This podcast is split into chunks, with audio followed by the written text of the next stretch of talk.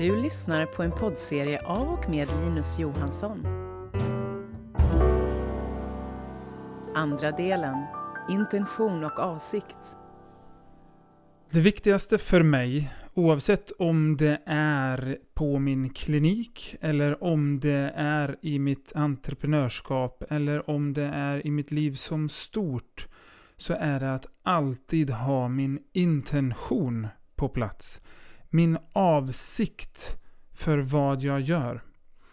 Och i det här podcastavsnittet så tänkte jag att vi skulle ha just intentionen som den ingången mot att djupare ta oss in i det sättet som jag både ser den mänskliga kroppen men också som jag ser mig själv i förhållande till den utvecklingsprocess som jag erbjuder andra och den utvecklingsprocess som jag själv går igenom. För som jag pratade om i podcastavsnittet innan så tror jag att allting vi jobbar egentligen med är tolkningar och våra sanningar är våra tolkningar och det som är skillnaden på en sanning och en tolkning det är att en tolkning har förmåga att förändra sig. Och jag vill också tro att det är så att vi är ständigt förändliga och jag vill framförallt tro att jag är det och att jag anpassar mig och att jag förändras. Därför så försöker jag verkligen se allting som jag gör som en resa framåt. Som en övergång hela tiden mot någonting nytt. Och varje patient jag har eller varje tillfälle då jag träffar en grupp eller en människa i något annat avseende så letar jag alltid efter den här möjligheten att få lära mig någonting nytt, att få förstå och att få utvecklas. Och det ser jag som de här viktiga stegen just i den här övergången. Den här resan framåt. Hela tiden mot någonting nytt. Och det är också på något sätt det som gör att jag orkar släpa mig upp på morgonen. Att jag varje dag kommer få lära mig någonting nytt. Ja, det är det och eh, två ungar förvisso. Men de där ungarna lär mig någonting nytt också varje dag. Och de är numera i allra högsta grad en stor del av min resa. Och för att just kunna göra den här resan så måste man hela tiden vara föränderlig och våga förändras och tillåta sig att förändras. Och en mycket spännande och sympatisk man som heter Gil Headley har sagt Hold your good practices dearly and your theories very lightly. Jag tar till mig väldigt mycket av det han säger att det här med teorier och tolkningar, att vi måste låta dem vara formbara. Vi måste låta dem förändras för att vi ska kunna ta oss framåt. Så lyssna nu på det här podcastavsnittet och fundera på hur du ska kunna göra för att utvecklas. När du möter någon som har teorier som verkar spännande, förkasta dem aldrig bara för att du inte riktigt förstår dem, utan ta dem till dig, försök se dem och förstå dem ur den personens perspektiv. Därför att det garanterar nästan alltid någon typ av insikt och någon typ av möjlighet att låta det man trodde en gång var sant förändras något. Och jag har varit med om det här väldigt många gånger och en av de här största gångerna det var ju det när vi var i Nottingham på dissektionskursen som jag nämnde i förra avsnittet. Och när vi fick ta oss in i de här kropparna och verkligen bevisa för oss själva att det där som är i anatomiböckerna, det är verkligen en tolkning. Och att det som Tom Myers har gjort, det är en annan tolkning. Och min gode vän och kollega Gary Carter, han tar sig också in i kroppar och skapar just nya samband. Och han har också tolkningar. Och alla de här tolkningarna tillåter hela tiden att man utvecklas. Men i förhållande till det så måste man ändå kunna ha någonting att arbeta kring och runt. Och principer är för mig någonting som är enormt viktigt och som jag håller väldigt högt. Och en annan man som jag också skulle vilja citera det är Harrington Emerson. Och han har sagt As to methods there may be a million and then some, but principles are few. The man who grasps principles can successfully select his own methods. The man who tries methods, ignoring principles, is sure to have trouble. Där jag är just nu så har jag tagit mig fram till tydliga principer, viktiga principer för mig som jag följer och som jag arbetar efter. Därför att jag ska ha en grund och en botten att stå på. De här principerna är i sin tur baserade på olika typer av teorier. Kommer jag acceptera att de här teorierna förändras? Därför att det kommer nya insikter, det kommer ny forskning, jag träffar en ny människa som kan berätta eller visa mig någonting nytt. Då kommer också mina principer förändras. Och från de här principerna så är det så att det är därifrån jag väljer mina metoder. Det vill säga de eh, olika typer av manuella tekniker jag arbetar med, med mina patienter på bänk, eller de typer av rörelser som jag arbetar med själv för min egen kropp, eller för de kroppar som möter mig i rörelse i grupp eller en, i one-on-one sessions. Så det är som tredelat. Teorierna, de bygger principerna. Och principerna, det är det som får mig att välja metoderna. Och allting det här hänger ihop. Och någon som kommer och möter mig åtnjuter ju då metoden. Det vill säga den manuella tekniken på bänken eller rörelsen över golvet. Ni ska veta det att det är så otroligt spännande att få ha den här insikten. Att det löper så långt bak att det finns någonting som är så kraftigt förankrat. Jag skulle också vilja att om du arbetar på ett motsvarande sätt som jag gör, att du sätter dig ner och du ser över det här lite. Tänker på vilka metoder är det jag arbetar med? Och du har säkert ett helt kartotek, du arbetar säkert med olika typer av redskap och du kanske har manuella tekniker och så vidare. Och sen så tittar du på vilka principer är de här baserade på? Finns det en eller finns det flera principer? Och talar de här principerna samma språk eller motsätter de sig varandra? Och vilka är de teorier som de här principerna bygger på? Och är de där teorierna moderna teorier? Eller är de kanske lite utdaterade? Är det dags att uppdatera de där teorierna? Och kan det leda till att du i sin tur utvecklar hela den här triaden då, från teori till princip till metod och tar dig själv framåt. Och varför det här är viktigt, det är därför att när jag tittar ut där bland kollegor och andra utövare så har jag svårt att se att metoden som man arbetar med är förankrad i en tydlig princip som i sin tur är dragen och byggd från väldigt, väldigt grundliga teorier. Det händer allt för lätt att man bara baserar allting man gör på metod och inte har den här kopplingen bakåt, den här grunden att stå på. Så för mig är det väldigt viktigt att jag hela tiden utvärderar, testar och känner att jag når hela vägen bak. Från metod till princip och till teori. Och för mig är det här en av mina största intentioner. Om vi ska prata om stora och små intentioner så är det här min största, min avsikt att aldrig stagnera, att aldrig avstanna. Men heller aldrig att ha bråttom framåt. Utan kunna känna att man långsamt och stadigt alltid rör sig framåt och njuta av det. Att förstå att varje dag är en dag av lärdom och det är tack vare lärdomen som var igår som jag kommer lära mig någonting nytt imorgon tack vare det som händer idag.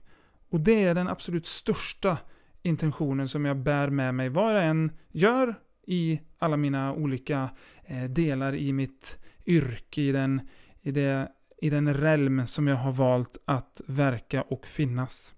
Och sen så krymper min intention och smalnar av och blir spetsigare.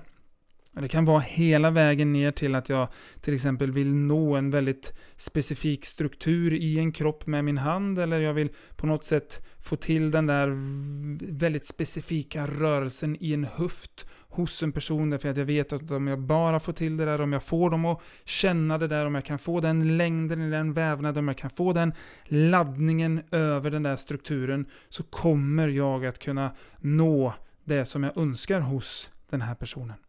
Så intentionen har en väldigt häftig förmåga att kunna greppa stora områden och vara väldigt handfast ända ner till de minsta, minsta, minsta detaljerna ända in i en kropp.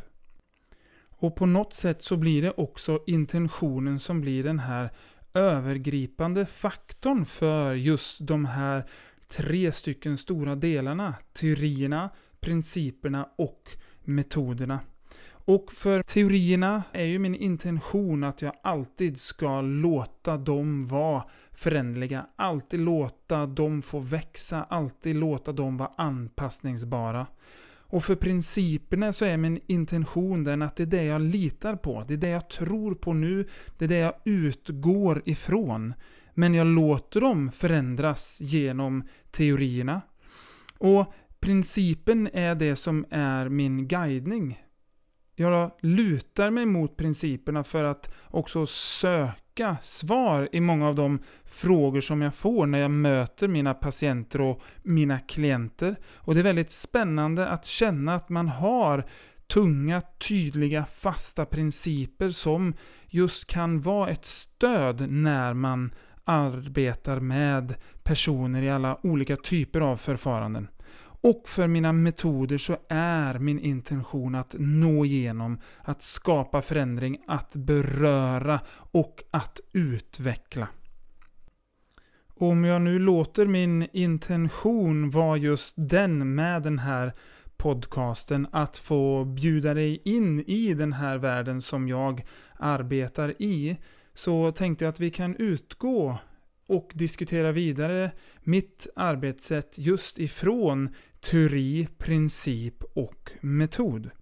Men om vi ska börja med att bara definiera vad en teori är, så är ju det ett system av definitioner, påståenden, antaganden eller modeller som tillsammans ger en möjlig förklaring till ett observerat fenomen.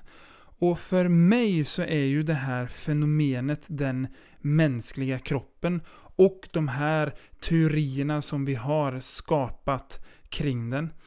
Och hela teorin som jag har tagit fasta på det är just det att evolutionen har tagit oss fram till det vi är nu. Den här stående varelsen på två stycken ben. Och där syftet för vårat själva varande på den här planeten, och också det som jag nämnde i förra podcastavsnittet, att vi ska röra oss så energieffektivt som möjligt på två ben.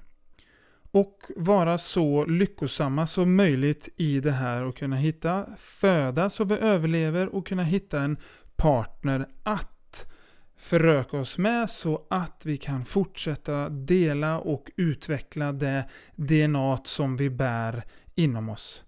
Samma teorier som går för alla organismer på den här planeten.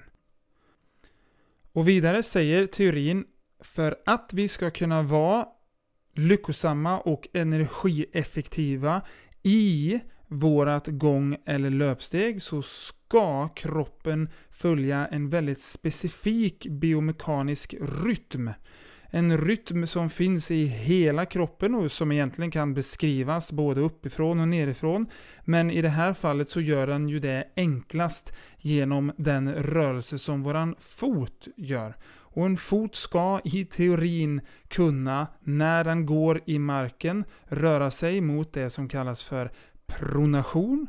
Och när kroppen rör sig över och vi fotavvecklar så ska foten kunna röra sig tillbaks till supination, det vill säga resupination. Och när vi står still rakt upp och ner och den här teoretiska optimala kroppen står framför oss så ska det finnas en lätt supinerad fot som skapar längd och utrymme uppåt genom kroppen där vi finns i ett balanserat mönster som drar så lite energi som möjligt. Och den här biomekaniska rytmen som då sker när vi går eller när vi springer är ju egentligen en serie av rörelser mellan våra strukturer i kroppen. Och med struktur då så kan man egentligen måste man benämna allting. Det är från det som vi kallar benvävnad till muskelvävnad till eh, bindväv, nerver, blodkärl, eh, fett, hud. Allting är involverat när vi rör oss. Det är inte en enskild struktur som är skyldig till att vi kan fungera och röra oss som vi gör. Så den här biomekaniska rytmen är just den här symbiosen av rörelser i alla de här strukturerna. Och ja, det är en teori det med kring den här optimala kroppen och kring den här eh, optimala biomekaniska rytmen. Men det är också den idén kring att det kan finnas den här perfekta rörelsen i kroppen där allting är i synk, där allting rör sig harmoniskt och som jag principiellt utgår ifrån. Det vill säga, det är det som är principen som jag lutar mig mot. Att den här biomekaniska rytmen ska finnas och vara där. Och det är nu vi kommer hela vägen ner till metod. Det vill säga det som jag arbetar rent praktiskt med, de manuella teknikerna eller rörelserna. Och de är ju till för att jag vill ta den kropp som jag möter, som är drabbad av livets tuffa resa, som har sina kompensationer, som har sina smärtmönster, som har skador, som har psykosomatiska besvär, vad det än kan tänkas vara, så vill jag med hjälp av mina metoder försöka ta den här kroppen så nära som möjligt den här teoretiska modellen av hur en kropp skulle kunna vara. Och man tar sig aldrig dit. Det är aldrig någon som har den här perfekta, enligt teorin, perfekta kroppen, den mest balanserade kroppen. Utan det är en strävan att nå dit. Och det är också det som är det häftiga. I strävan så finns ju den här resan. Och för mig är det väldigt, väldigt viktigt att jag får en person att förstå att här är du nu. Du har ont. Du vill antagligen inte ha ont och din tanke är att jag vill ha det som det var förut. Och då sätter sig den här personen i en idé om att de vill göra en resa bakåt. Jag vill inte ha det som det är nu, utan jag vill ha det som det var förut. Det vill säga sträva bakåt. Min idé är precis tvärtom. Du är här nu och det är livet som har tagit dig dit. Jag ser en bild där framme av den optimala versionen av dig. Och det är en utopisk bild. Vi kommer aldrig ta oss dit. Men den bilden ligger framför oss och det är framåt vi vill sträva. För bakåt kan vi aldrig utvecklas. Vi kan bara utvecklas om vi kör framåt. Och att få med en person på den här resan och få dem att förstå att det är under resan som det händer. Det är inte målet nödvändigtvis att väldigt många som besöker mig har ju ont någonstans. Det är inte målet att bli smärtfri som är det viktiga. De tycker det, men inte när vi väl tar oss dit som det händer. Utan det är under resan dit som allting händer. Det är då som kroppen utvecklas. Och det är därför vi egentligen aldrig vill nå ett mål, som jag berättade innan. Att hela tiden få vara i en strävan, att hela tiden få vara i en transition, att hela tiden få vara i en övergång. Att vakna varje morgon och förstå att man kan utvecklas mer. Det är också eh, paradoxalt nog det som är målet. Att få leva i ett sånt tillstånd där man känner att det tar aldrig slut. Så länge jag lever, så länge jag andas, så kommer jag utvecklas.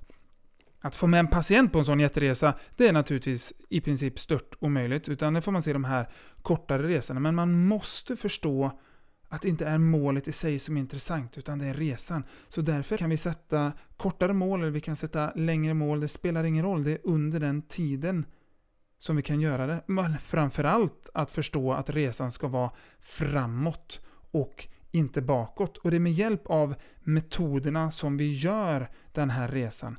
För principen den visar hur jag testar och hur det ska röra sig och Eh, hur ben förhåller sig till varandra och, och gravitationen och hela den här idén kring hur en människa fungerar i rörelse. Och teorin den säger att det ska vara så energieffektivt som möjligt, så lätt som möjligt, så kompensationsfritt som möjligt. Och utifrån det då så försöker jag ta en person framåt. Men vi kan väl ta det här med smärta en liten snabbis också, för det är ju ett väldigt spännande ämne. Och när man är fysioterapeut som jag är då, då kommer folk till mig för de har ont någonstans. Det är, jag är glad att det, för varje dag som går så är det en övervägande större del personer som kommer och säger så här att nej men jag har just inte ont någonstans, men jag vill heller inte få ont någonstans, så jag vill att du hjälper mig att utveckla mig.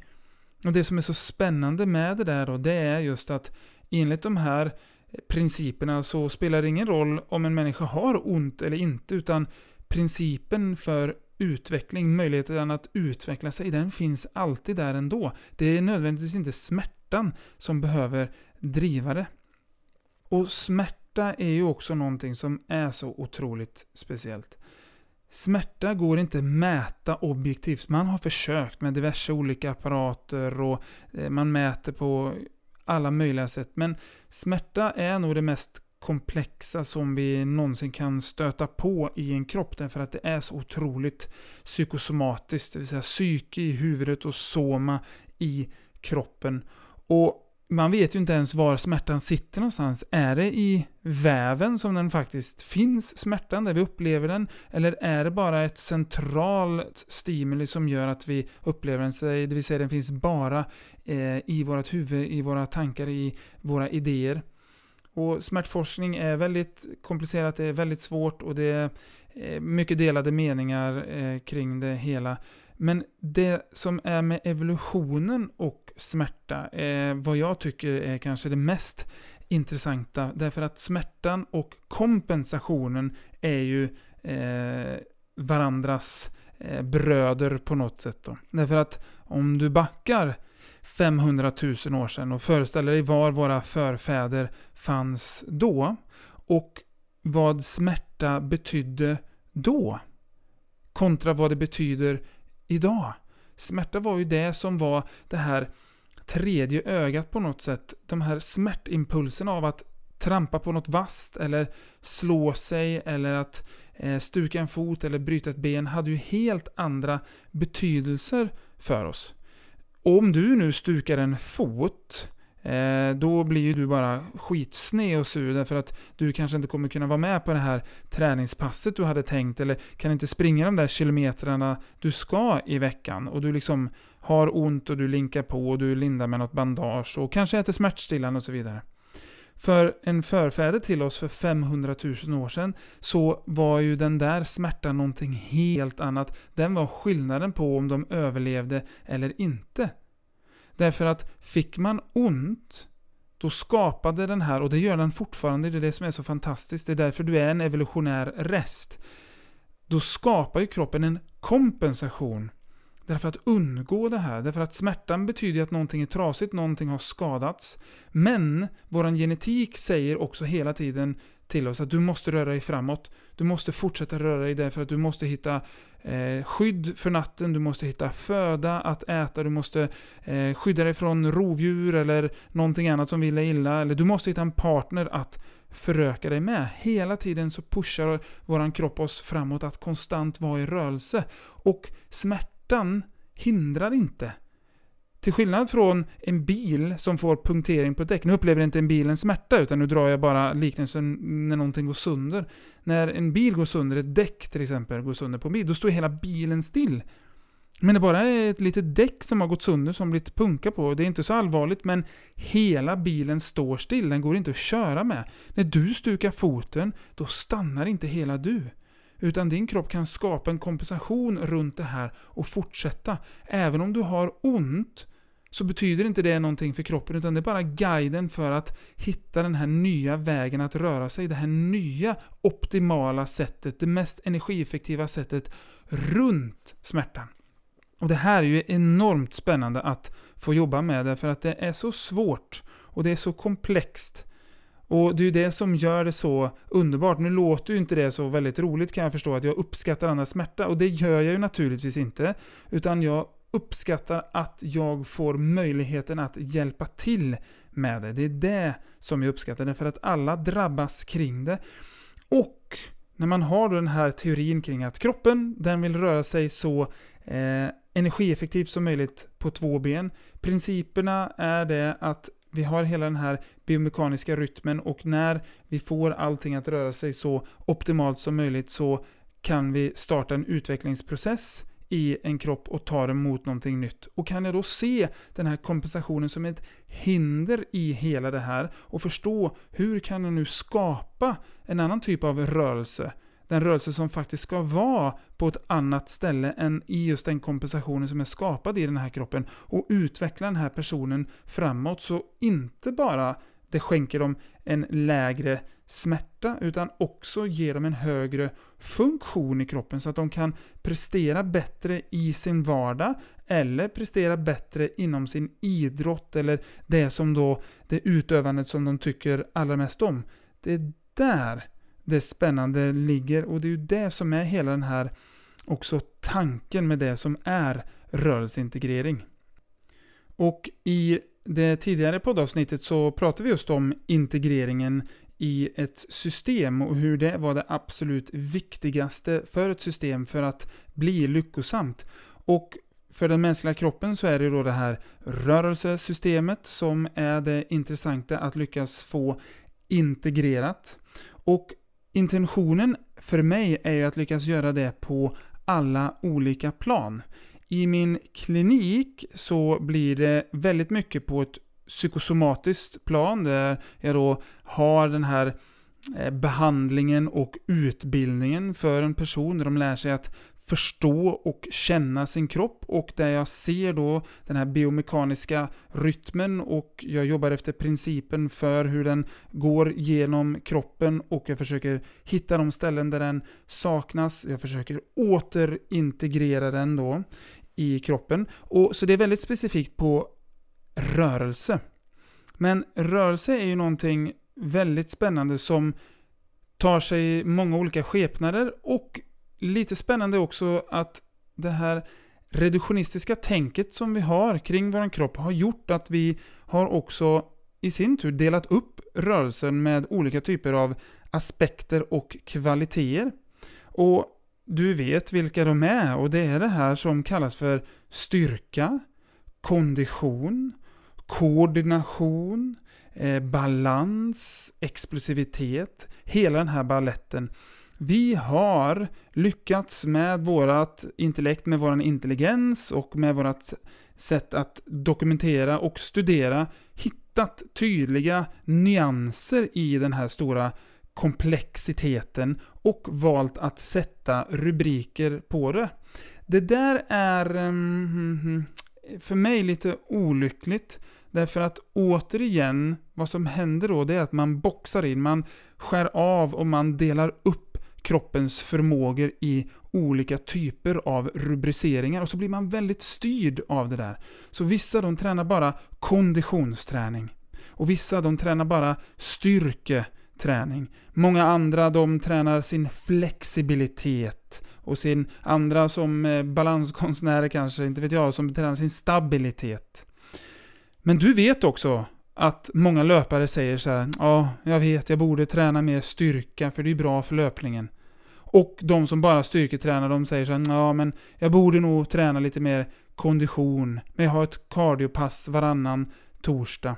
De som upplever sig som stela, de säger att de måste rörlighetsträna mer och de som upplever sig som för rörliga, nästan överrörliga. De säger att de måste jobba mer med sin stabilitetsträning. Och det roliga är när man lyssnar på hur folk pratar om sin rörelse så märker man att de hela tiden strävar mot att få integrera sig, att få slå samman och dra ihop och bli ett av alla de här olika rubriceringarna. Och Det där är för mig väldigt spännande hur vi då blir fångade i vårt reduktionistiska tänk men vi ändå på något sätt har den här idén och den här tanken, den här strävan om vad vi borde, nästan en skuld i förhållande till vad vi borde göra och hur vi vet egentligen att vi skulle behöva förhålla oss till våran kropp. För mig så har det här då naturligtvis mynnat ut i en metod där jag inte gör skillnad på de här olika rubrikerna. Och nu så tar inte jag till mig äran alls själv kring det här, utan den här metoden är skapad tillsammans med Cecilia Gustafsson och jag tror att du förstår att det är Soma Move som jag tänker på. Och jag vill ge dig inblicken i Soma Move med den intentionen som jag har för just den rörelseformen. Och det baseras just i det segregerade tänket kring träning, att man tränar olika saker. Att man tränar styrka, kondition, koordination, balans, explosivitet.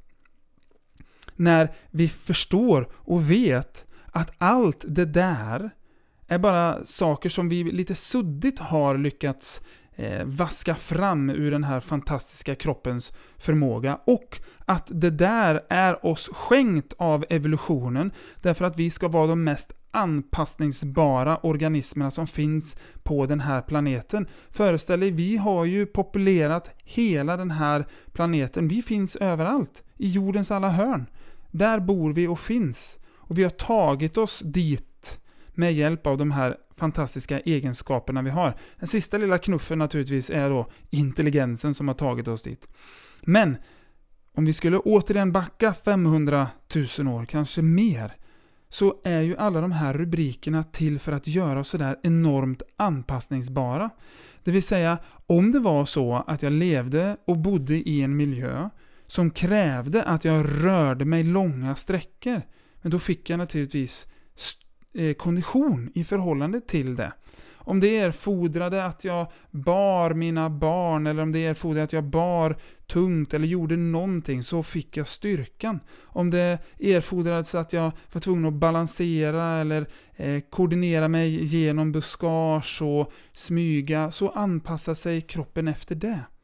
Så allt det där som vi har lyckats vaska fram och kalla för olika rubriker som vi då kan med väldigt specifika metoder stimulera och sen kan vi också mäta och påvisa. Jag kan trampa på en trampcykel och mäta mitt VO2 max eller jag kan lyfta en skivstång med ett visst antal kilo på och visa min maxstyrka. Allt det där är ju bara evolutionära rester som egentligen var optimerade och maximerade till för att vi skulle vara så anpassningsbara som möjligt. Min intention med Soman, och egentligen min intention med all funktionell träning som jag alltid hållit på med, men som nu har mynnat ut i den här fantastiska rörelseformen, det är just att inte göra skillnad på det. Så när en person får ta del av ett Soma Move-pass så ska det inte kännas att det var tydligt av någonting. Det ska kännas att det var lite av allt. Att det fanns en hel del styrka. Att det fanns mycket koordination att det fanns mycket som krävde balans och att det fanns mycket som krävde också en kardiovaskulär kapacitet, det vill säga som krävde kondition. Nu möter vi i Soman konditionen på ett annat litet plan. Det blir inte så flåsigt, men det blir en väldigt hög termogenes för dig som har mött Soman någon gång, det vill säga det blir en hett hetta. Man blir varm, man svettas enormt mycket när man kör Soman. Så varenda liten cell är igång i hela kroppen på dig därför att i Soman så tränar vi aldrig bara ben, vi tränar aldrig bara armar, vi tränar aldrig bara mage eller rygg. Allting rör på sig samtidigt som en flytande, levande, sammanhållen organism. Och vi bjuder in folk till det här, deltagare, i form av rörelseglädje. Vi lovar bara att man får möta sig själv i rörelse. Få känna på var man är just nu i sin egen kropp och i förhållande till golvet och gravitationen och förstå hur rör jag mig? Hur känns det när jag rör mig? Vad är utmanande för mig? Vad är lätt för mig? Var någonstans finns den här resan som jag kan göra framåt i min kropp? Vidare, som kan ta mig till platser som jag kanske inte ens visste fanns. För det är nämligen en av de finaste betygen som jag någonsin fått när jag har hållit soma på ett av alla dessa fantastiska konvent i vårt avlånga land. När en person kommer fram efteråt till scenen och tackar så mycket för att hon fick vara med i det här passet och för att hon inte ens visste att hon ville röra sig på det sättet. Och just sådana där meningar betyder så otroligt mycket för mig, för det betyder att min intention har nått igenom. Att jag har lyckats nå fram till henne, att hon har fått känt min avsikt med den här rörelsen som jag presenterade på den där scenen. Hon kom inte fram och tackade för att hon fick rutor på magen eller för att hon kunde springa milen på 50 minuter. Hon kom fram och tackade för att hon fick uppleva någonting som hon inte hade upplevt förut. Och som hon inte ens visste att hon kunde göra. Jag hoppas verkligen att det startar någonting i hennes tanke, i hennes förhållande till sin egen kropp och till rörelsen i hennes kropp. Och för att sammanfatta det hela lite. Jag vet att jag har min intention på plats när dess syfte är att utveckla. Antingen mig själv, den personen som jag möter eller de personer som jag möter. Och jag tror att om vi alla tillåter oss att ha en intention som skapar utveckling, både lokalt och globalt, då kommer vi att kunna skapa ganska stor förändring. Både hos oss själva, men framförallt hos andra. Du har lyssnat på en podd av och med Linus Johansson. För att komma i kontakt och läsa mer, besök friskgymnasten.se